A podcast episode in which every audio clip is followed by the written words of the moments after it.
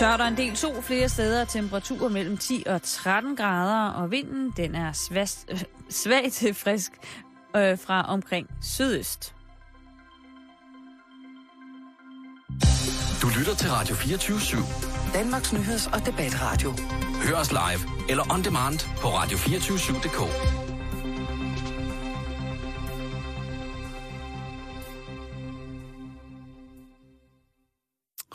Ja, så øh, nåede vi dertil. Og det, Det betyder jo, at øh, det er os, der sover. Velkommen til Bæltestedet, som de næste 54 minutter skal forsøge din hverdag. Og øh, lad os bare sige det. Hvis du håber på drømmetyderi eller kageopskrifter, så er det ikke lige i dag. Nej, det er det ikke, Simon. Nej, det er det altså ikke. Det, det, er, det kan godt være, det bliver en anden dag, men det bliver ikke i dag. det er ren kokain, det er Formel 1, det er Crazy Prince, og det er øh, verden generelt. Og øh, jeg synes bare, vi skal starte. Først og fremmest så skal vi starte med at øh, takke alle jer dejlige lytter, som øh, giver den gas på vores Facebook-side, som øh, kommer ind og liker den. Ja, Øh, den tak. er jo startet helt nyt op. Øh, Facebook.com Bæltestedet, eller Radio 24 Bæltestedet. Faktisk er det backslash pages, backslash Radio 24 R-A-D-I-O 24 S-Y-V, tankestreg Bæltestedet. Øh, jeg kan ikke forstå, hvorfor det skal være så bøvlet, men nu er det det. Og øh, jer, der finder vej, I øh, håber, at I synes, at I bliver belønnet på en eller anden mærkelig måde. Vi kan ikke øh, udstikke nogen fysiske ydelser, eller på anden måde øh, mammon-agtige ydelser. Vi er bare øh, enormt glade for, at øh, I gider være med. Prisværdigt. Vi har også en helt særlig øh, gæst i dag, Jan. Det har vi. Jeg glæder mig rigtig, rigtig meget. Jeg glæder mig også rigtig, rigtig meget. For Det er jo sådan, at øh, man kan jo ikke løbe fra, at vi øh, langt det meste af tiden, hvor vi er værter, Jan, begge to er mænd. Det kan vi ikke løbe fra, nej. Og øh, det kræver jo, at man engang imellem får et, øh, et kvindeligt modspil. Ja. Og øh, det kræver jo også, at eftersom at vi måske er lidt et mandeprogram, øh, synes nogen, at vi sådan ligesom øh, ikke kommer nok rundt med nogle ting, som mænd måske... Altså for eksempel, jeg ved ikke særlig meget om værktøj. Nej. Jeg, kan, jeg har aldrig slebet en kædesav. Har du slebet en kædesav? Øh, nej, men jeg ved noget om værktøj. Ja, du ved sikkert mere end mig, ikke? Jo. Men øh, at, at, at vide noget om, hvad er andre mand, sådan rigtig mandlige ting, øh, mandeting. Øh, det kunne være, er du god til at bygge? Altså, kan du... Kan du Brug øh, hænderne. Kan du, støbe et, ja, kan du støbe et fundament, og så lige banke et typehus op? Nu siger du lige. Jeg Ja. tror godt, jeg kan noget af det, men ikke lige. Jamen, så er vi jo ikke mænd. Alle mænd kan lige bygge et hus. Ja, hvis de har tid til det. Simon, det vi skal have gang i, det er simpelthen, at vi skal have øh, fat i en, øh, vil jeg sige, enestående kvinde i dag Ja. ja. som gæst, I Som- den grad. som kombinerer noget. Øh, Jeg tror faktisk, hun er den eneste i verden, der kombinerer, øh, kombinerer mode og Formel 1. Vi skal have besøg af søde rare Lea, ja. Som øh, altså ved så pisse meget om Formel 1, at, øh, at selv mænd, jeg tror, der ved meget om Formel 1, kommer til at øh, komme en lille smule til kort. Hun er i hvert fald vores øh, motorsportsekspert, og I skal møde hende øh, senere i programmet i dag. Øh, hendes øh, premiere her, og det bliver, øh, det bliver storslået. Det gør det. Jeg kan, ikke- jeg kan ikke sige andet. Men vi skal også lige i gang med verden, Jan. Ja. Det bliver vi nok nødt til. Mm-hmm. Mm. Hvor end at vi ikke ville eller skulle koncentrere os om det, så bliver vi nok nødt til det alligevel. Og der øh, sker jo hele tiden noget, team for team. Simon, du, øh, vi har jo gang i noget... Øh, Berlusconi, Jeg, og jeg, nu- jeg, jeg er rystet, jeg er rystet. han, har Øh, lige lavet en, han har lige lavet en kovending her for øh, et par timer siden. Ja, jeg, jeg, synes, øh, jeg synes, at øh, så starter jeg med den. Jeg ved godt, jeg skulle have startet med den. Nu starter jeg med den. Øh, Berlusconi, som jo altså er i, jeg ved ikke, om han, han vil kalde det sit livs krise, men han, øh, han er lidt ude på dybt vand. Berlusconi har aldrig krise, Simon. Nej, det er også rigtigt. Han er altid ovenpå. Okay. Han er ikke i minus. Øh, Ber- Berlusconi, han, er, han er klar. Hans øh, parti, øh, hvad hedder det, som nu hedder Forza Italia, øh, lidt eller kom så, kom så Italien, Ja. øh, det, øh, det brager der ud af. I midlertid så er der en koalitionsregering, som sidder der, som øh, mens at den her verserende skattefusk-sag, en af dem, øh, står på med Berlusconi. Og øh, det, der er sket for noget tid siden, det var jo, at øh, der var fem øh, repræsentanter i koalitionsregeringen fra Berlusconis parti. Men Berlusconi, på trods af, at han jo er blevet frataget alle former for, øh, for værdige øh, sådan officielle poster i den italienske regering, han blev fritaget fra det, han stadigvæk råber op og siger, prøv at høre, hvis I ikke snart tager jeg lidt sammen, ikke? så river jeg lige mine partifælder ud af koalitionsregeringen, og så kan I ligge og sejle i den. Det, er jo, det skete jo så. Han fjernede fem øh, hvad hedder det, repræsentanter fra sit eget parti i koalitionsregeringen, og Letta, den let smørbare, øh, omega-3-6-rige øh, øh, vicepræsident, som var trådt til, ja, han, øh, han sagde, prøv at høre, på et eller andet tidspunkt, så kommer, kommer du ud Øh, Som et bedre menneske? nej, det tror jeg ikke. Jeg, jeg tror sgu ikke, de to de er særlig glade for hinanden, hvis jeg skal være helt ærlig. Jeg Nej. tror, at de, øh, de er rigtig, rigtig trætte af hinanden. Men der siger han, prøv at høre, øh, der siger Letta så til Berlusconi, øh, en af de få, der så siger noget til Berlusconi, tror jeg, at øh, der må snart være tale om et eller andet form for mistillidskvotum i forhold til, hvad han kan udtale sig om og gøre og, Mm. øh, og ligge og ruder med. Så han ville have stillet Berlusconi for en øh, tillidsdomstol, øh, bakket op af koalitionsregeringen. Det var lidt bes- mere besværligt end som så, men i hvert fald, det der så lige sker, og det vi lige hører fra Katrine i nyhederne nu, det er, at Berlusconi han er vendt på en tallerken. Ja. Og nu er han så enig. Altså, altså tænk, hvis at Berlusconi i offentlig skue, 77 år gammel, øh, mærkelig hårfarve, jeg tvivler på, det er hans naturlige i den årgang, altså ikke vil stilles foran øh, øh, en tillidsdomstol. Fordi så tænker han måske, måske øh, gør det lidt ondt, og måske gør det. Altså det er jo, han er jo han er det vildeste menneske, det vildeste komplet. Altså, Altså, jeg vil jo sige, at han er jo øh, Italiens svar på Jeltsin, ikke? Altså, han er jo gang i nogle den virkelig... forhåndværende øh, russiske... Ja, der, der er altså nogle, nogle sammenligninger. Øhm, ja. hvem husker ikke episoden i, i Europaparlamentet, hvor at uh, Helle Thorning kommer gående bagved, går over for at hilse på ham. De giver hinanden pænt hånden, og hun går videre, og så vender Berlusconi sig om lige for at tjekke måsen på vores øh, statsminister. ja. Det er et Jeltsin-moment der. Jensen Øhm, moment, der, er, øh, hvor han danser og synger og drikker vodka. Der, er- der, det, der er langt fra Jeltsin til Putin, vil jeg sige. Ja, I hvert fald i sådan en ganske Helt almindelig bestemt. medmenneskelig øh, humanitær forstand. Men du har nok, øh, måske har du virkelig ret. Altså, man skal se, øh, Berlusconi, han er jo en, en, en, en, en kirkens mand. Han Mm. er jo så også en, en mediemogul på rigtig, rigtig mange punkter. Øh, vi var inde på, efter, han efter sit første møde med Obama i 2008, der siger han om, om Obama bagefter, at han er en ung, flot, solbrændt herre. Året efter, så møder han også Michelle Obama og siger, at øh, de to må, øh, altså øh, Obama himself og så Michelle, de må øh, solbade utrolig meget, fordi de er begge to vældig solbrændte, siger han. ja, han har jo... Det han, er et Jeltsin-moment lige der. Og det er 100 procent. Og så er det skabt af Berlusconi. ikke? Og så er der det jo også øh, hans øh, udtalelser omkring øh, homoseksuelle, der så jo også øh, virkelig lægger sig op, at det er så nok måske i virkeligheden mere Putin, ikke? Ja, At han hellere vil knippe udenom med en dame, end han vil gøre det med en mand, ikke? Det, Jo. det var altid noget, han gjorde det med en dame, og ikke med, med, men med han er vild med damer. Han er virkelig vild med også med damer. damer. Han kan godt lide damer. Øhm, Det kan han. Da de blev spurgt, om de ville have sex med mig, svarede 30 procent af kvinderne ja, mens 70 procent svarede, hvad, nu igen? Det er også et Berlusconi-moment lige der. Det er fandme vildt sagt, Simon, det ja, er det altså. Men han er, han er, han er vild, ikke? Og det er jo... Det som der, hvis man nu skal blive sådan en lille smule konspiratorisk, det kan jeg jo godt lide at blive. Mm, det skader aldrig. Så tænk på, hvor meget magt han har. Når han sidder og rykker rundt på den eksisterende regerings øh, ligesom valgmuligheder, og så kan han slippe afsted med Mm. bare at, at smide håndklædet på en eller anden måde, så han drejer 180 grader. Mm. Det kan han stadig smide, s- slippe afsted med. Altså han, Han, sidder... han ligger jo stadig på top 100 over de rigeste mænd i verden, så øh, Ja. der er også noget magt med det tror jeg. Og Noget? nogle TV, TV-kanaler. Altså, no, øh, de største medier i øh, sidder han jo på. Ikke? Jeg tænker Mm. bare, en, en kirkens mand på den måde. Nu sad vi og så øh, øh, lidt på, øh, hvad hedder det, på, på nettet her i dag med hans tv-stationer. Blandt andet kunne have, have mønstre af, hvad hedder det, fantastiske tv-programmer. Ja. Og der var blandt andet, hvad, hvad hedder det, Grapulo...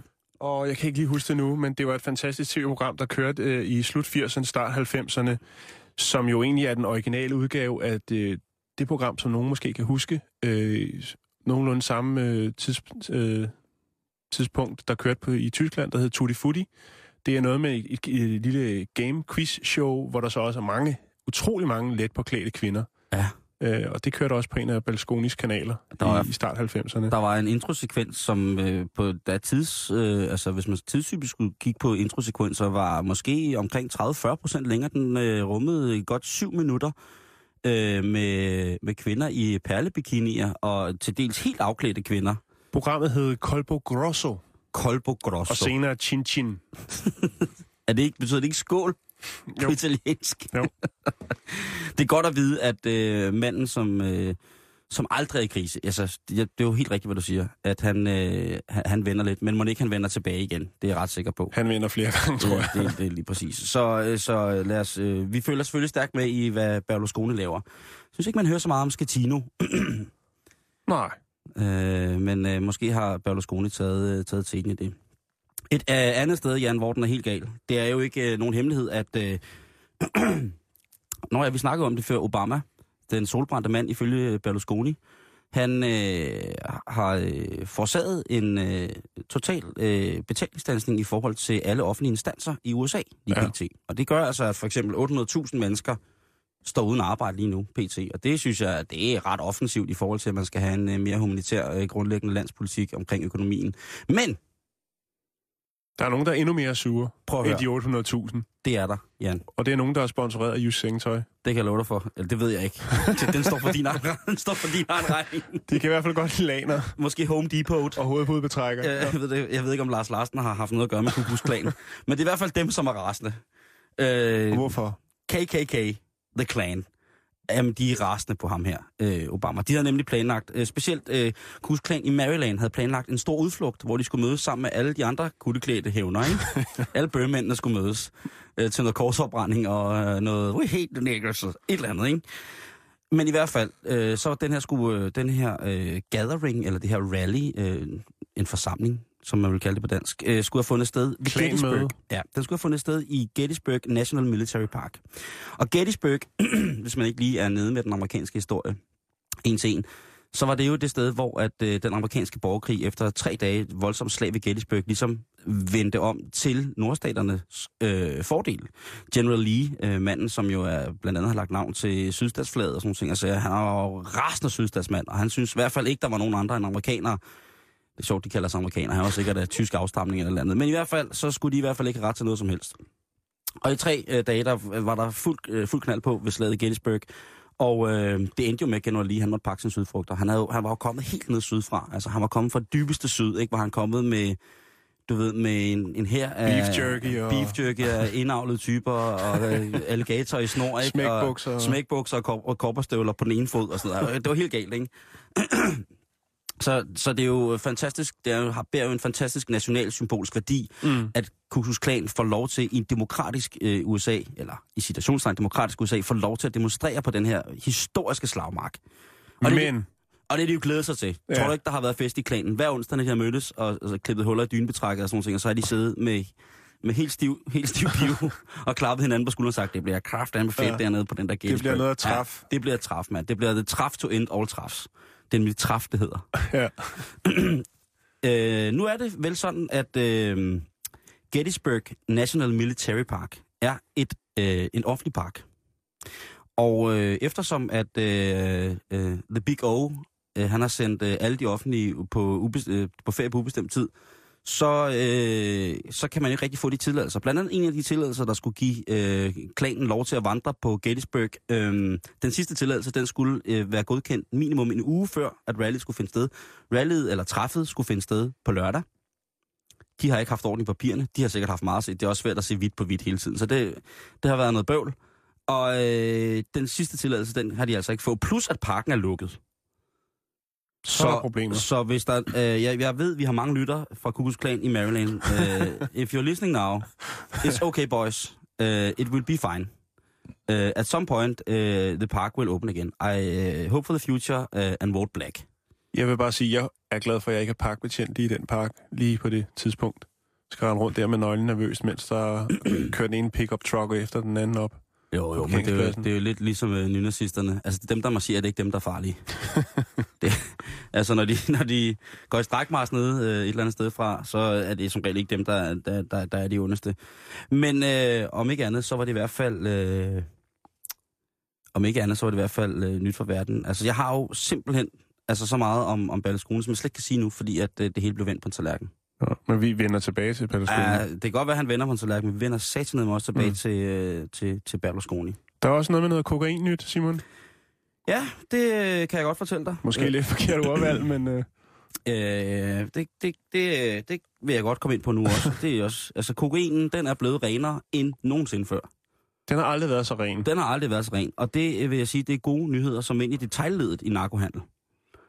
Øh, hvis man har set Breaking Bad, eller The Good Wife, eller Weeds, eller nogen ting, så er det altså nu, at man skal realisere sin fantasi, fordi det er økonomisk øh, rent... Øh, altså, det, det er slaraffenland lige for tiden. Mm. Kvaliteten har aldrig... Altså, Claus, hvis det var, hvis det var øh, palæomad, så var Claus Meier, så havde han jo løbet rundt kun i kappe og hejst flag rundt på, i hele Danmark og råbt, at nu, nu, nu skal vi spise sten og mos igen. Øh, men det drejer sig altså om, øh, om kokain og heroin, og så også cannabis til dels. Og det er ikke noget, jeg bare har drømt øh, ville ske. Det er faktisk en, øh, en publiceret artikel fra, hvad hedder det, The British Medical Journal, som er sådan et, et, et, et magasin, hvor at, øh, læger og forskergrupper kan få lov til at publicere øh, hvad hedder det, deres forskningsresultater som i form af artikler. Øh, meget kendt. Artiklen den beror på resultater fra samarbejder imellem narkobekæmpelsesenheder fra Sydamerika, USA, Afghanistan og Sydøstasien. Og øh, ordret fra artiklen, godt nok de oversat, så øh, kan jeg læse her. I løbet af de seneste to årtier er udbuddet af ulovlige stoffer steget.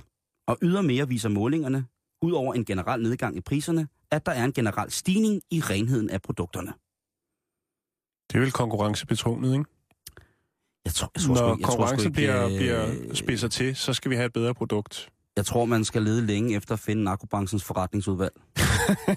eller konkurrenceudvalg i narkobranchen. Ja. For, nar- øh, en- enten konstitueret eller statsautoriseret narkohandler. Jeg ved det ikke. Til gengæld kan man sige, altså der er jo også det ved det, at øh, nu hvor kokainen er blevet billigere og renere, så er sådan noget som øh, fattigmandskokainen, altså crack, som peakede i, i slut 80'erne, den er jo stort set væk. Altså nu kører I med noget crystal meth og noget, nogle andre ting, men Altså, krokodil. Krokodil, ja. Krokodil er jo the shit. Men det er jo så en russisk ting, ikke? Ja, det er, det er noget, som Putin der råder med.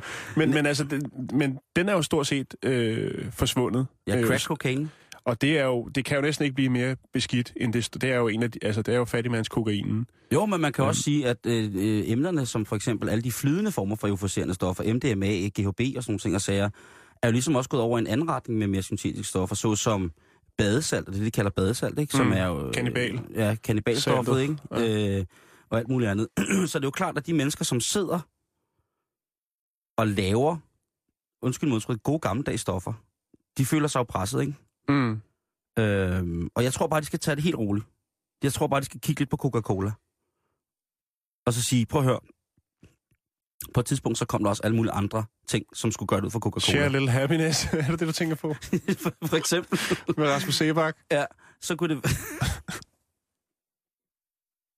så, så kunne det jo godt være, at, at øh, du ved, at tingene holder, holder i længden, ikke? Øhm, men der er, øh, der er forskellige ting til, at det her det er sket. Og en af tingene, det er, at, øh, at der aldrig nogensinde siden 1990 og til 2007, hvor de har kigget på resultater af det her, øh, øh, der har aldrig nogensinde været så stor udskiftning i narkokartellerne. Og der har aldrig nogensinde været så mange store øh, beslaglæggelser, øh, altså på, på samme tid af partier og nedlæggelser af store karteller. Mm. Øhm, for eksempel USA har jo brugt øh, sindssygt mange penge øh, over de øh, sidste 10 år. Over 51 milliarder dollars er der blevet pumpet i krigen imod narkobaroner og indførelsen af øh, illegale stoffer i USA.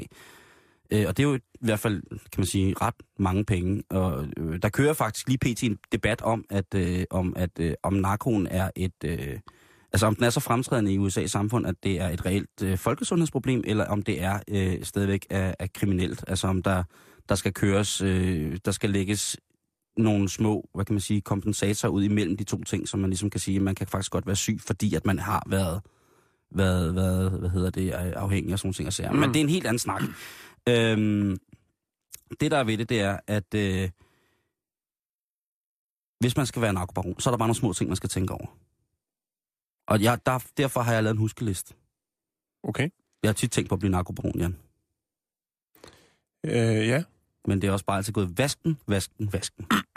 der, man skal i hvert fald overveje det. Ja, fordi at jeg har jo sådan noget med, jeg kan jo godt, øh, altså, man ved jo, det er en verden, hvor der er, i gamle dage i hvert fald, der var der nogle strikse æreskodex, og der var nogle mærtager og sådan nogle ting, altså, men i dag, der er det måske sgu sådan lidt mindre. Man laver vel i virkeligheden, hvis man vælger at stille sig på den side af den givende lov og aktuelle udøvende lov, så må man vel også regne med, jamen så er der ikke nogen lov, så må man selv lave tingene. Og det må man jo regne med, at alle de andre, man skal lave forretning med, også bare tænker. Så jeg tænker, jeg er i hvert fald ikke sådan helt frisk på at give afkald på mine familierelationer. Jeg kan sgu stadig, altså, jeg elsker sgu min mor, far, min lille søster og familien. Mm. Og mine venner. Det, jeg vil sgu ikke, altså, jeg vil jo ikke bare kunne forsvinde overfladen for dig, vel? Det, du vil også synes, det var mærkeligt, ikke? Jo. Så jeg kan også godt lide øh, tanken om at have en forholdsvis stabil postadresse. Det er jeg faktisk ret glad for. Øhm, og Der kan du få dig en god gammeldags postboks, om ikke andet. Lige præcis. Og så er jeg ikke... Ja, men det nej. Øh, jeg hader trusler. Jeg synes ikke, trusler er fede. Jeg synes, trusler er en mega nederen i hele tiden. Ligegyldigt hvad man bliver troet med, så synes jeg, det er en rigtig dårlig idé. Øh, jeg hader mor. Det kan jeg godt forstå. Jeg synes simpelthen, mor er rigtig tavlet. Og så vil- specielt, fordi det kommer, det kommer garanteret til at handle om noget om penge, ikke? og man kan sige, i forhold til de bønder, som udvinder alt kokain, Mm. mm. eller heroinen, de afghanske bønder, eller de, øh, hvad det nu er, Kolumbianske, ja, Peru, sige, Bolivia og så der videre. bliver æder rødme taget godt om deres produkt. Altså, der bliver taget hånd om deres produkt, ikke? Der, der er ikke nogen, der skal prøve på noget, vel? Faktisk i Peru og Bo- Bolivia er det øh, tilladt at tykke kokablade, men lige så snart du har lavet det til det hvide produkt, så er det ulovligt. Men du må godt gå og hygge dig på gaden og, og tykke lidt på nogle kokablade. Du kan få øh, te med Lidt i. kat. Du kan få te med, med kokablade i øh, Colombia Peru. Jeg, jeg får dårlig mave af det. Jeg har øh, drukket kokate i, øh, i Bolivia. Det var en frygtelig dårlig idé. Det gjorde ikke noget for dig. Jo, det gjorde det, men det var rigtig skidt. Det kan, ja. Det var Altså- mega nederen. Måske har jeg også bare fået nogle, nogle dårlige... Det kan være, at kvaliteten ikke var helt i top dengang. Ikke, Frisk fra træet. det er jo lige præcis. øh, Det er jo ikke til at vide om... øh, om, øh, om altså, jeg, Jeg, jeg kigger lidt på det der, Simon, men nu siger du, at det har aldrig været renere. Men hvad var det rent faktisk, man, øh, man øh, kottede det op med, som det bliver beskrevet på nettet? Øhm, og øh, det, som man har brugt til at kotte det op med, når man ligesom skulle have lidt mere øh, ud Mm. på den anden side, øh, i form af valuta, når man solgte øh, kokain, det er bagepulver, Ja. talkum, laktose, B12 øh, i pulverform. Ja. Øh, og øh, det, det, det er de mest brugte ting. Der er også øh, nogen, der har brugt øh, kartoffelmel. Øhm, og det gør jo så, at det ikke bliver så rent, som man måske ønsker sig. Okay. Øh, hadekokain, det er så, hvor du tilfører Viagra og afføringsmiddel. Ja, men altså et eller andet sted, så er der jo så nogen... Så synes der, jeg synes, der er nogen, der burde Eller give... practical øh, joke kokain. Kan vi få det svanemærket eller englemærket, produktet? Så, øh, og så sætte det ned på... Det har aldrig været renere. Det har aldrig været rent. Og hvis dine børn skal starte, så er det altså nu. Så er det altså nu. Men Jan, ja. Ja. vi skal videre. Nu bliver det vildt. Nu bliver det vildt. Nu fordi bliver det rigtig vildt. at... Ja. I går, der snakkede vi lidt om det, men det spidsede lidt til med tiden, øhm, så derfor så vender vi tilbage i dag på release-daten for Michael Learns to Rock versus øh, PG, Prinsgemalen, AKA, AKA skulle til at sige, øh, AKA. AKA, AKA. øh, Crazy Prince. Ja, The Crazy For Prince. de har, øh, de har lavet noget, som kommer bag på de fleste. De har nemlig Det lavet røde forsider. fuldstændig. Det er det, alt drejer sig om i dag. Fuck Folketingets åbning i går, og Helle Thorning, som endte med et kæmpestort år. De har nemlig lavet, de har nemlig lavet en øh, musikalsk venskabsgave fra Danmark til Thailand mm. i form af et øh, nummer komponeret af den thailandske konge. Et jazznummer, som faktisk er ret fint, og hedder Echo. Mm. Det har Michael Learns to Rock og deres mu- musikproducer Mike Michael Hansen. Yeah. Øh, de har lige øh, ringet til prinskemalen og sagt, prøv at høre, kommer du ikke lige ned og, og tæmmer det fly, vi har stående hernede? Vi har hørt, at dine hænder er rent magi. Ja, fra hendes majestæt. Ja. Øhm, og det gør de så. Ej, Jan. Ej, det, det gør de så, og så laver de så det her fantastiske, øh, den her fantastiske version af øh, den thailandske kongens øh, nummer, der hedder Echo. Og det blev releaset i dag, og man kan købe det på iTunes, og jeg har skam været inde og smide de 8 kroner for sådan et dejligt, fantastisk stykke musik. Prøv at lytte til det her, kære lytter. Nyd øh, hans kongelige højhed på klaver.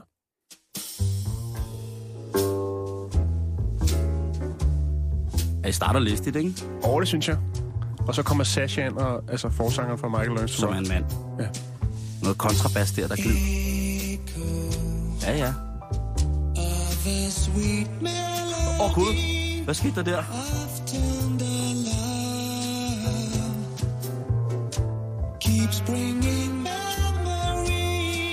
Er det Grev Ingolf på horn? Det Meget er ikke utænkeligt. Horn i baggrunden der.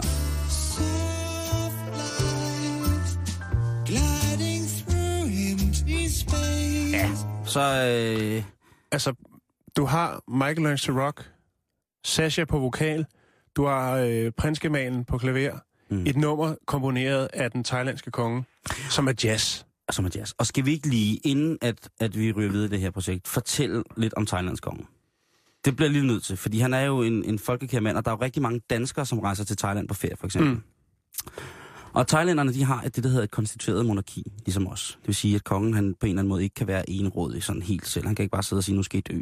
Øh, men øh, den thailandske kongefamilietradition kommer faktisk ud af et hinduistisk kongefamilietradition, som så blevet tilpasset den buddhistiske. Det er jo det, buddhismen på rigtig mange måder kan. Og øh, den thailandske konge, som hedder Bumipon Adunyadet, det er hans fulde navn, øh, han bliver født i, øh, i, i USA faktisk, øh, øh, hvor hans far øh, studerede på øh, Harvard University, han studerede folkesundhed. Og øh, han vender tilbage til, øh, til Bangkok øh, i, øh, og, og bor der, men i 1933, der fjerner hans mor ham, øh, fordi han skal læse videre. Øh, han skal blive en lært mand. Og det er fint nok, og sådan nogle ting at sige. Øh, og hans storebror står ligesom til at skulle overtage tronen, så det er jo helt fint. Men på et tidspunkt, så... Øh, Så det er vel I- også derovre i USA, at han lærer jazzen at kende, eller hvad? Det er, er, Nej, er under- helt sikkert han både i, både i, Europa og i, hvad hedder det, og i USA. Men i 1946, øhm, der øh, har verden stået i flammer, og øh, der dør øh, hans storebror, og det vil sige, at, øh, at Bhumibol hans bliver nødt til at overtage øh, hans brors trone. Og øh, det gør han. Han bliver indsat, men forlader igen Thailand for at tage tilbage til Schweiz for at færdiggøre sine studier. Så han er også en mand, som godt vil, øh, ligesom når han kan starte på noget, så går han, går han i gang. Og det har altså gjort, at han i dag er den tronarving i, øh, i verden, som har siddet aller, aller længst tid. Øh, 62 år, tror jeg, det bliver. Øh, med simpel hovedregning. Øh, da han er i Schweiz, så bliver han også, øh, der finder han en dame, og øh, de bliver gift, og de flytter så tilbage til, hvad hedder det, øh, til, til Thailand. Øh, og i dag, øh, den dag de flyttede tilbage øh, i Thailand, øh, den 5. maj, det er, ligesom at vi også har noget med 5. maj, ja, jeg kan ikke helt huske, hvad det er, men øh, vi fejrer. Men øh, i hvert fald, så øh, er det en, øh, en, en heldig dag i, øh, i Thailand. Og han har været fantastisk, den her konge. Han har øh, sørget for, at øh, thailanderne kom ind på den rigtige måde i forhold til, til, til vestlig økonomi. Øh, taget dem med ind i ny, den teknologiske tidsalder. Han gør utrolig meget for, øh, laver utrolig meget humanitært arbejde, han lavede for, for de fattige, og sørget for, at der er kommet en, en, en, en hvad hedder det, en højere grænse for, øh, for at man kan hjælpe de folk, som har mindre. Og sådan noget. Det er jo et politisk land, så det er måske lidt nemmere nogle gange, men han har i hvert fald været folkets konge og er folkets konge. Hver dag klokken 6, der bliver der spillet den thailandske nationalmelodi i radiomuseet for kongen, og der står alle op. Hvis man er biografen i Thailand, så stiller man sig op, inden filmen går i gang, fordi der bliver nationalmelodien øh, spillet i fuld længde med en lille montage af, hvad kongen har gjort i løbet af årene.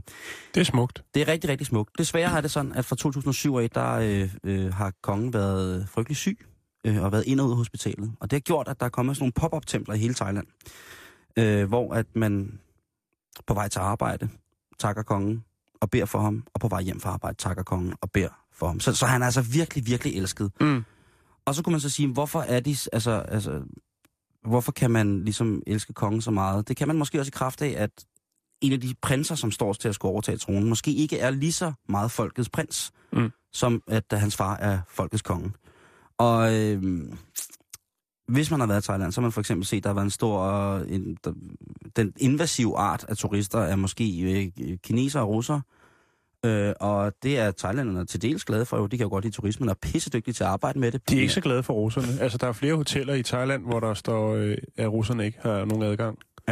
De har jo også begyndt at lade være med at skrive deres menukort på russisk, så kommer russerne ikke automatisk. Men i hvert fald, den her øh, øh, industrialisering og den her form for, det her form for national logistiske overblik, som kongen har haft, har gjort, at Thailand jo de sidste mange år har braget afsted øh, og har det rigtig godt. Altså en af de ting, som jo blandt andet kommer ud af, af, af Thailand, som man måske ikke vidste, det er Red Bull. Øh, virkelig, virkelig mærkeligt smagende ting. Øhm, men ellers øh, generelt masse. Og, og folket er virkelig, virkelig presset over, at øh, kongen er så syg, og de ved ikke, hvad der skal ske. Derudover så er der også noget, der hedder bøder for majestatsfornærmelser. Fordi alle thailandske hjem med respekt for sig selv, eller butikker, eller restauranter, øh, de har jo et billede hængende af kongen. Hvis man fornærmer det, eller på nogen måde yder en form for ærekrænkende opførsel over for kongemotivet, så starter fængselsstraffen med to og et halvt år. Og vi gider ikke diskutere det. Øh, der er lige en, øh, en, en thailandsk øh, amerikaner, som er blevet frifundet for at få, øh, jeg tror det var seks år oven i sin straf for æres øh, for kongekrænkelse. Øh, så han, øh, han sidder sin to og en halvt år, så er han fri, free to go. øh, og det var noget med langmand, ikke? Op mod billedet. Ja. Det går sgu ikke.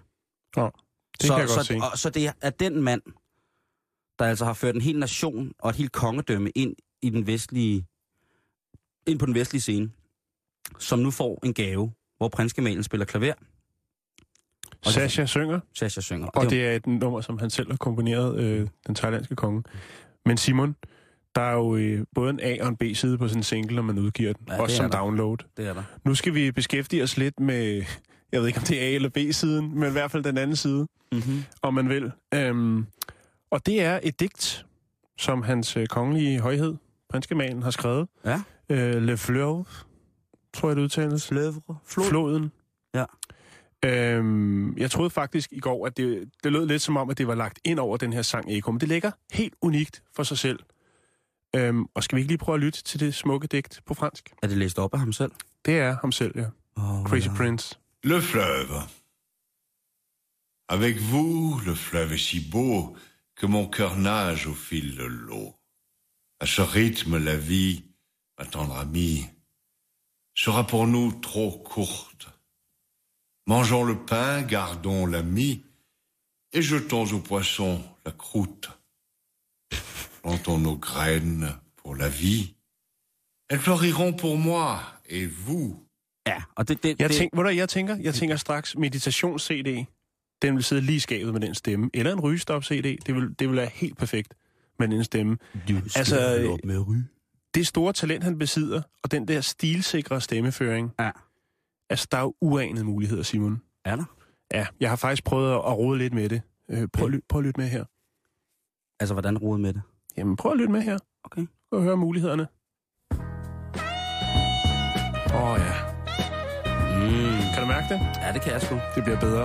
Det er dejligt, det der. Er du klar? Ja, jeg er klar. Værsgo. Le fleuve. Avec vous, le fleuve est si beau que mon cœur nage au fil de l'eau. À ce rythme, la vie, ma tendre amie, sera pour nous trop courte. Mangeons le pain, gardons la vie, et jetons aux poissons croûte. Det fungerer for mig, det der. Ja, det, det sgu også rigtig godt. Så en lørdag aften, en flaske rødvin og nogle levende lys på bordet. moi et vous. Mais god sang i baggrunden der. que ces poissons avalant les croûtes, en faisant des bulles au long de la route, sur le fleuve d'une vie si courte. Ah, god. Ja, ja. Hvad siger du så, Simon? Det er jo fandme fedt, Jan, Der, det der der. er muligheder der, ikke? Ja, det er der i den grad. Men et eller andet sted, Jan, så mangler der lidt guitar. Du ved jo godt, jeg, jeg vil godt have noget rigt, altså... Du er jo øh, bæltestedets mm, guitar man. Ja, jeg, jeg, jeg kan Så, så hvad, hvad havde du forestillet dig? Jamen, jeg skulle måske forestille mig noget mere i den her retning. Okay. Den kender jeg godt, den der. Ja, ikke? Den stod måske hjemme på mor og fars pladehylde. Også fordi jeg synes, der skal sådan lidt mere... Han skal løftes lidt mere. Ja, jeg kan godt følge dig der. Og mange 12 guitar, altså hvad har Gypsy King ikke gjort for verden, ikke? Altså, jeg tænker... Er det nu? Ja, nu kommer han ind her. Le fleuve. Avec vous, le fleuve est si beau que mon cœur nage au Det er også sensuelt på en eller anden måde. À ce rythme, la vie, ma tendre amie, Der forestiller mig mere, at han kommer hjem fra en god tur med hundene, Mangeons le pain, tænder nogle stearinlys for Johnny Margrethe, et jetons Og så de aux klar, poissons til at snakke sammen om bøger. Her går den op. pour la vie. Elles fleuriront pour moi et vous.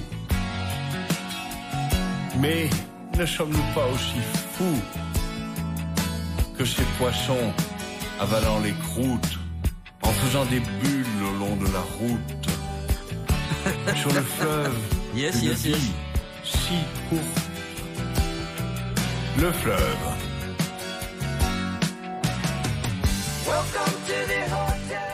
Altså, Fantastisk. Øh, Den er også god, den der. Altså, alt fred at være med Don Henley, men det der, ikke? fransk ovenpå Udel California, Ja. det, altså, det, jeg synes, det, det, det er to gode bud. Øh, hvis I kunne tænke jer måske at høre øh, nogle af de her forskellige ting, øh, klik ind på vores Facebook øh, hjemmeside, facebook.com, backslash pages, backslash radio 24 tankestreg bæltested.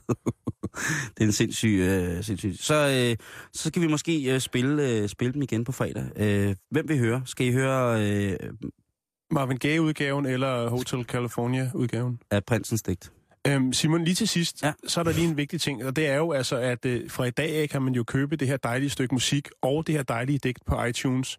Ja. Og jeg ser gerne, at alle går ind og investerer i det, øh, og så lad os se, om vi ikke kan få den helt op på øh, top 10, altså helt op i toppen af den, overhale Rasmus Sebak med hans nye hit, øh, Olivia, og så lægge Le Fleur helt derop. Altså, det vil være fantastisk, ikke? Jeg tænker også, hvis, han skal, hvis det bliver et hit, og han skal på turné, Krone 1, der kommer kørende ind på Daisy, og så Blæser er der gang i Le Fleur. Det kunne være et fantastisk. Fantastisk tiltag. Gør det. Du lytter til Bæltestedet på Radio 24 /7. Din værter er Jan Elhøj og Simon Juhl.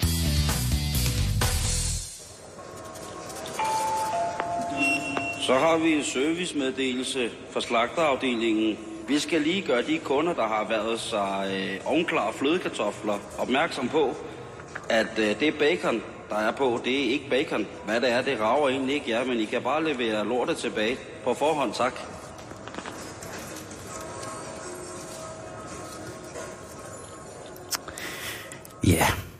Men øh, Så skal vi til det, Simon. så skal vi til det. Vi skal til at byde velkommen til øh, en af de mange eksperter, som vi selvfølgelig håber at få tilknyttet programmet her. En, Mm. en som ved noget helt specielt om en hel masse, og gerne nogle kombinationer. Og det er vores øh, gæst i dag jo altså øh, vanvittig, vanvittig øh, god til at gøre. Faktisk så god, at øh, hun er efter en lang jagt på nettet, en af de eneste faktisk, som jeg kan finde på nettet. Det store, altså jeg mener det store internet, World Wide Web. øh, som gør det, hun gør. Vi skal byde rigtig hjertelig velkommen til vores Formel 1 og modekspert, Lea Anna Petersen. Hej Lea, Hej, tak skal jeg have. og tak fordi du vil komme. Ja, Tak fordi jeg fantastisk. måtte komme. Var det fantastisk. Skal jeg ikke lige starte med at øh, for lytterne, så måske de kan, vi håber selvfølgelig, de får et meget bedre indtryk af, øh, hvem du er i løbet af programmet her, men lige, jeg vil godt lige læse det, der står øh, på din blog. Mm. Fordi du har jo øh, en, øh, en helt speciel blog, som hedder formulafashion.dk. Ja, det er rigtigt. Jeg vil godt lige læse det. Undskyld, hvis jeg glemmer at komme her, ikke? Okay. Okay. Der er ikke ligefrem mange modeinteresserede piger, der samtidig har en passion for Formel 1. Jeg er en af dem. Formula Fashion er, så vidt jeg ved, den eneste blog, hvis overordnede øh, emneområder er mode og Formel 1. To kategorier, der virker meget langt fra hinanden. Men til trods for modsætningerne, så er der jo altså to, så er det jo altså to af mine største interesser, og forhåbentlig kan jeg med dette lille blog-eksperiment øh, få omvendt nogle flere hundkønsvæsener fra motorsportsfornægtere til motorsportselskere. Ja, det var meget flot læst. Og meget godt skrevet. Øh, til, at, øh, til, bare sådan lige til at starte med. Øh, øh, har du gået i en eller anden form for skole med enten Formel 1 eller mode? Øhm, ikke Formel 1. Altså, jeg er uddannet designteknolog med speciale i trend- og designstrategi. Øhm, Okay. ja, Okay. så, øh, så jeg har øh, været inde i den her øh, mode- og livsstilsverden. Men det- hvor kommer Formel 1-passionen så fra? Ja, det er jo så øh, en helt anden sag. Det er min, min søde, dejlige storebror, som øh, i tidernes morgen, skulle jeg til at sige, har, øh, har indoktrineret mig med Formel 1. Så det er hans skyld. Og det er ikke skyllet af. Ej, overhovedet ikke. Det er kun blevet værre. Men, har, Når man læser på din blog, så er det jo meget interessant det der med, at du ligesom har, øh, hvad skal man sige, det, det kvindelige syn på Formel 1. Mhm. Og selvfølgelig også på dem, der kører, og på hvad de har på. Mm-hmm.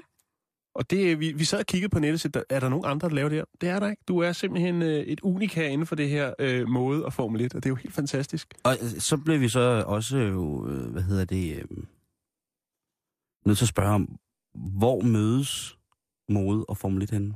Jamen altså, langt de fleste mennesker vil jo synes, at det er en meget, meget mærkelig kombination, og det kan jeg sådan set godt forstå, men, men det giver for mig rigtig god mening. Øhm, der er rigtig mange hold, som er sponsoreret af for eksempel øh, tøj- og modefirmaer. Øh, McLaren har haft et langt samarbejde med øh, Hugo Boss. Øh, Red Bull-teamet er sponsoreret af Pepe Jeans. Øh, Mercedes-teamet er sponsoreret af Thomas Sabo smykker. Så, så det er ligesom inde i det, og man kan sige, der hvor det ligesom kulminerer det hele øh, i løbet af den her Formel 1-sæson, det er jo især Monaco's Grand Prix, øh, hvor der om fredagen øh, meget ofte er modeshows, hvor også flere af kørende og deres kærester og koner og sådan noget, de går modeshow. Øhm, så der er meget mere øhm, at finde med mode og Formel 1 øh, som kombi, end man lige sådan regner med fra start af. Altså, fordi når jeg tænker over det, så kan jeg godt huske de der boss-logoer Mm. på... øh, Men jeg må bare indrømme, Pepe Jeans, den havde jeg ikke lige... Øh, er det det italienske... Er det italiensk tøjmærke? Jeg er faktisk ikke helt sikker på, om det er italiensk. Jeg ved bare, at de øh, sponsorerer Red Bull. Pepe Jeans. Pepe Jeans. Jeg har altid utrolig grimme bukser på. øh, hvad hedder det? Øh, men nu siger du selv øh, et, et utroligt langt samarbejde med, hvad hedder det, mellem Hugo Boss og, øh, og McLaren. Mm. Der var jo på et tidspunkt, når man sad og så øh, Formel 1-ting, øh, at der alle kørende var jo afbildet i sådan lidt øh, stilleben sort-hvid billede i et øh, sort, meget neutralt øh, Bosch-jakkesæt med hvide skjorter på. Øh, er det stadig sådan? Jeg har, jeg har nemlig ikke fuldt rigtig, skal jeg sige, der fulgt med i, i modesiden. Jeg har faktisk rent aldrig fulgt med i mode. okay. Altså, øhm, der er jo rigtig mange, når, når kørende de går til sådan nogle officielle events, så har de Mm. som regel øh, teamtøj på, eller Ja. tøj, som de er blevet sponsoreret til at have på. Mm-hmm. Blandt andet fra Hugo Boss. Og jeg Mm. kan sige, at McLaren, de er sådan rimelig strikse med, øh, at, at kørende, de skal have deres ting på, eller skal have deres øh, sponsor, øh, sponsorers ting på, hvor der er andre hold, som er lidt mere loose og giver deres kører lov til også at troppe op i, hvad de nu ellers lige har lyst til. Deres egen personlige udtryk. Ja, lige præcis. Har de det? Ja, ja, det har de bestemt. Er der Øhm. nogle af formelkørende, som er, som er, er, er virkelig gode til at udfordre sig selv sådan rent ekviperingsmæssigt? Øhm, Er der nogen, der umiddelbart På nu... en god måde, ikke? I, i, ja, ja, selvfølgelig. jeg har mange, jeg har nogle fine fejltagelser på, øh, på hjemmesiden, eller på min blog, hvis man vil se det. Ja. Ja. Altså fejltagelser simpelthen. Ja, ja. Altså nogle, hvor det er gået helt galt. Hvor man ser øh, blandt andet af kørende, der hedder Jensen Button. Han sidder i sådan et, et lokale, som er meget brunt, og så sidder han i en, en brun læder skjorte, og det hele er bare brunt. En brun læderskjorte. Ja, ja. Det synes jeg nu Den er meget forfærdelig. Og det synes jeg, der lød meget... Altså, der lød det der øh, sådan lidt, lidt fedt. Ja. Øh, men men øh, selvfølgelig, det er jo nemt nok at, at snakke om tøj, men så sidder der sikkert alle mulige øh, Formel 1-folk derude. Øh, og så tænker de, men hvad så med racet og bilerne? Mm. Er det ikke det, det drejer sig om? Og det er det jo også. Altså, man ser jo Formel 1, fordi at, at man gerne vil have det her, det her sus, man får. Øhm, og det er jo enormt spændende, synes jeg jo personligt, øhm, den her sport. Ja. Er der noget specielt, øh, når, når du kigger? Nu har du så fået mode ind over det. Er det Mm. sådan lidt et aflad for, at det måske ikke helt er spændende nok? Ej, overhovedet ikke. Det er bare, øhm, fordi at jeg har den baggrund, jeg har, Ja. øh, at jeg har valgt at kombinere det på den måde, og fordi at det er en unik måde. Altså, så vidt jeg ved, er jeg den eneste, der laver det. Så, så det var også ligesom bare en, en mulighed for mig at, at, at lave noget, noget anderledes. Men går du også op i sådan noget som motorerne på bilen, og hjulene og dæk, og aerodynamikken, og... Ja, ja, altså, det er jo en, en pakke, ikke? Det hele, det skal jo gå op i en højere enhed, kan man sige, ikke? Ja. Øhm, og det hele i, på et Formel 1-team og på bilen er jo optimeret ned til den mindste detalje. Øhm, og samtidig så er der jo også nogle meget strenge regler, som, som man skal øh, holde sig indenfor som team. Altså, så vidt jeg ved, må, må bilen ikke være bredere end 180 cm for eksempel. Mm. Øhm, og den må ikke veje mere end 642 kilo. Og, og sådan nogle ting, ikke, som gør, at der er nogle restriktioner, men som jo også gør, at, at de bliver nødt til at øhm, optimere på, på de her ting, så den, den bliver så hurtig og så stabil som muligt. Er der en ongoing lige nu, øh, teknisk specifikationsfrille, som kører i, i Formel 1-feltet, hvor man tænker, det her, det snakker de rigtig, rigtig, rigtig meget om lige nu? Jamen, de sidste par år, der har de snakket rigtig meget om det, der hedder DRS, som er en anordning øh, på bilens bagvinge, som man kan åbne. Øh, det er en justerbar del, øh, Ja. som øh, gør, at i stedet for, at, at det kun bliver lidt over, altså vinden, Mhm. mm-hmm. så bliver det også lidt igennem, og det gør, at, øh, at bilen kan køre hurtigere. Okay. Ja, men det er så sådan, at under et, et Formel 1-løb, der er der nogle specifikke steder på banen, hvor man må bruge det her DRS, øh, og du må også kun bruge det, hvis du er inden for et sekund på den forankørende. Så hvis du er 1,1 sekund, så må du ikke åbne for DRS'en. Det er, sådan, det er lavet, ja, Og Lea. det er lavet for, at det skal være nemmere at overhale. Det er sejt, det der. Så du sidder, hvis du ikke er dernede selv øh, og ser løbet, mm. Mm. så sidder du helt fremme på Marokkopuden og holder øje med, hvornår, om hvornår de taktisk åbner deres DRS. Ja, ja, det gør jeg.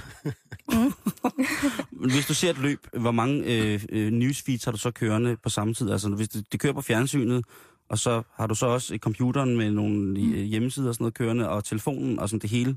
Jamen altså, øh, jeg har som regel min computer tændt, og det var også fordi, at nu er jeg jo også øh, øh, hvad det hedder, skribent på den hjemmeside, der hedder BMF1, som er Bilmagasinets øh, Formel 1 hjemmeside. Og der er jo nogle gange, hvor jeg skal live dække løbet, eller kvalifikationen, eller jeg skal lave, øh, hvad det hedder, øh, resume af nogle af træningerne, eller hvad det nu ellers skal være. Så der skal jeg jo sidde og skrive samtidig med, at jeg ser, ser løbet. Så, øh, så det gør jeg, og så er der også øh, som regel inde på øh, den hjemmeside, der hedder formula1.com, som har sådan et, øh, et, et live øh, element, hvor man kan se øh, tiderne og sådan noget. Så der er i den grad gang i øh, det, som kvinder kan, nemlig at multitaske Ja, det må man på sige. fuld skrue. Ja. Det var det, man skulle. Det var det, man skulle jo.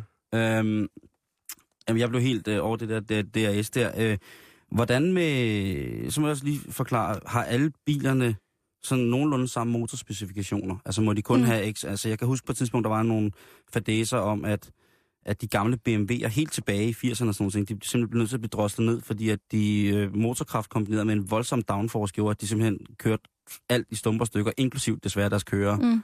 Øh, i, I dag i, i motorsport, hvordan ser det ud med deres motor? Må de kun have øh, tre hestekræfter alle sammen, eller hvordan? Øh, At det er sådan, at øh, der er selvfølgelig også restriktioner på motoren, og lige nu der kører de med V8-motorer. Øhm, det er blevet besluttet, at de til næste år skal køre med V6-motorer i stedet for. Okay. Øhm, ja, har det ikke engang, øh, der var V10 og V12? ja, det har der også været. Og der har også været rigtig mange fans, øhm, som, som synes, det er helt forfærdeligt, at man går ned til en, til en så lille motor, eller hvad man skal sige. Ikke? Øhm, så det, det er det, der sker næste år. Så er der jo omdrejningsbegrænser på på 18.000 omdringer per minut, så vidt jeg lige ved. Hvor at den normale danske standardbil kørende, når den kommer op på omkring 3.000 med en dejlig husbundsdiselmotor, så springer vinduerne, og børnene ruller ud gennem udstødningsrørene. Øh, så 18.000, ja, det er der meget, meget glad for.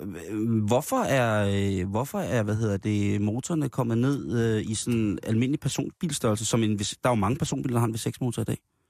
Jamen, det er der jo flere grunde til. Øhm, det handler jo om, altså, politik handler det om, det handler om ydeevne, og ja, altså, det, er- det er også nogle gange lidt svært at finde ud af, hvad de, øh, de der FIA-folk det. sidder og, og hvad, hvad de egentlig vil med det. Altså nu ja. siger du politik. Hvad, hvad, er, hvad er det så? Er det sådan noget øh, miljørigtig venlighed og sådan noget, eller Jamen, hvad? der, er, der er meget politik i Formel 1. Ja, det er noget af det, som kan være lidt irriterende. Der er meget med politik, og der er rigtig meget med penge. Øhm, som er nogle af de ting, som man som fan, og som sikkert også som kører og team, godt kan være enormt irriteret over nogle gange. Mm. Fordi der er jo, altså, det er jo en sport med ekstremt mange regler, og der bliver jo lavet om på reglerne hele tiden. Øhm, nu har de lige i den her uge, eller sidste uge, snakket om, at de vil lave om på reglen med hensyn til kørendes hjelme, dem de har på. Der har det været sådan, at der må man selv øh, finde ud af, hvordan man vil designe det, øh, den bemaling, der er på. Og det har de jo nu sagt, at, at, at det måske bliver lavet om til, at man ikke må Åh. selv bestemme. Altså, at man må, ikke må ændre det i løbet af en sæson. Ja. Øhm, ja, så der er rigtig, der er rigtig mange ting. Det svarer lidt til at skifte øh, spillertrøje mm, midt i, øh, i EM eller VM eller et eller andet. man kan sige, at, at hjelmen er det eneste sted, hvor kørerne rent faktisk kan udtrykke deres personlighed, når, når de sidder nede i bilen. Ikke? Men det er også den, som de bliver genkendt på, når de kører, ikke? Eller hvordan er Jo, det? blandt andet. Altså, de bliver genkendt på hjelmen, og de bliver også genkendt på, at der sidder et lille kamera op på toppen af bilen, som har en forskellige farver. At det er egentlig også lavet til, at man skulle kende forskel, så man ikke kun behøver at kigge på hjelmen. Så der er lidt fashion i de her hjelme. De, Ja, det ja. Har det ja. taget overhånd, eller hvad? Er det derfor? Altså, jeg vil sige, at det jo måske tager en lille smule overhånd for Sebastian Vettel, som nærmest ikke har nogen fast hjelmfarve, men som skifter det ud hele tiden, og med små lysdioder, som blinker og altså glimmer. Og, altså, Han ja. er allerinderst inde i en japansk skole. ja, det er han. Tamagotchi. er der, du fortalte øh, inden vi stod her om en sjov historie med Lewis Hamiltons hjelm. Ja, det er rigtigt. Um, han havde her, jeg tror det var sidste år, um, havde han fået skrevet, om bag på sin hjelm, der havde han fået skrevet uh, HAM, H-A-M. Um, og det måtte han ikke uh, for hans team. Han kørte dengang for McLaren. Um, og det er fordi, at han har taget det her fra en, en sang fra Kanye West og, uh, hvad det hedder, um, uh, Jay-Z, som har lavet en sang, der hedder HAM, som står for Hard as a Motherfucker. Det sagde jeg ikke lige i radioen, Jo, men det gjorde jeg. det, må du gerne. Ja. Hos os må du Ja. gerne. Mm. Og det, det måtte han altså ikke have stående. Men han er også... Altså, er han en af dine favoritter, Hamilton? Ja, han er min favorit. Ja. Han, er jo, han er jo ret vild, fordi først da jeg så et billede af ham, altså han, han ligner jo altså sådan en, øh, altså Kanye West-agtig. Han ligner lidt sådan en R&B-stjerne eller et eller andet, Ja, ikke? ja. Han er vel Formel 1'en svar på Tiger Woods eller noget af den dur. ja, det kan du godt sige. øhm, Ej, han har haft sin dame i mange år. Ja, så er de også gået fra hinanden igen nu her. Nå, ja. Så der er også lidt, der Det er også derfor, du er her, lidt øh. Formel 1, øh, lidt Formel 1 øh, gossip ind over det også. Oh, ja, Du ja, følger ja, med i bestemt. ligesom, hvad, hvad er status på... Mm, Er det kompliceret? Er de single? Eller? det er meget kompliceret. Det har været meget kompliceret med de to. Har det? Øh, Ja. Nå. Ja. Skal vi lige, bare lige kort, kan du måske rise op, hvem har han, har han været kæreste med sådan en anden kendt undertøjsmodel eller et eller andet? Altså, han har været kæreste rigtig længe med øh, sangerinden Nicole Scherzinger fra det gamle Pussycat Dolls. Um, de er Ah. netop for ikke så lang tid siden gået fra hinanden, et par måneder siden. Er der børn indblandet? Der er ikke nogen børn indblandet. Det er faktisk der, hvor jeg ligesom har en lille konspirationsteori. Fordi man plejer at sige, at hvis en, altså når en Formel 1 kører for børn, så bliver han et sekund langsommere. Det har jeg hørt. Ja, og jeg har sådan lidt på fornemmelsen, at hun gerne vil have nogle børn, og Lewis Hamilton er ikke helt klar på at få børn endnu. Fordi han ved, at så ryger Så bliver han på. langsom, og han vil sikkert gerne have i hvert fald et mesterskab mere i bagagen, ikke? Så ja, det, det er lidt min teori. Jeg, jeg aner ikke, om det er rigtigt. Har, hvor mange mesterskaber har han? Har han et mesterskab? Han har et, ja. Han er jo også, ja, sjovt nok, min personlige favorit, øh, efter jeg så ham i Top Gear, Mm. øh, hvor han øh, absolut var en af de aller, aller sjoveste indslag, der nogensinde har været. Øh, og så kunne man også se, hvor godt han egentlig kørte bil. Ja. Øhm, han blev selvfølgelig slået af Fettel. Det Ja, klart. men så har Øh, han lige været hen og slå ham igen. Er det rigtigt? Ja. Nej, det, det er godt, du er her, Lea. Det er virkelig, virkelig, virkelig, virkelig godt, du er her. Øh, hvor langt er vi i Formel 1-sæsonen i PT? Jamen, vi er lidt over halvvejs. Øh, der bliver kørt i Korea her i weekenden. Er der noget at køre om? Eller har Fettel sat sig på det hele igen? Ah, men altså, Skal vi alle sammen køre Renault, hvis vi er først frem?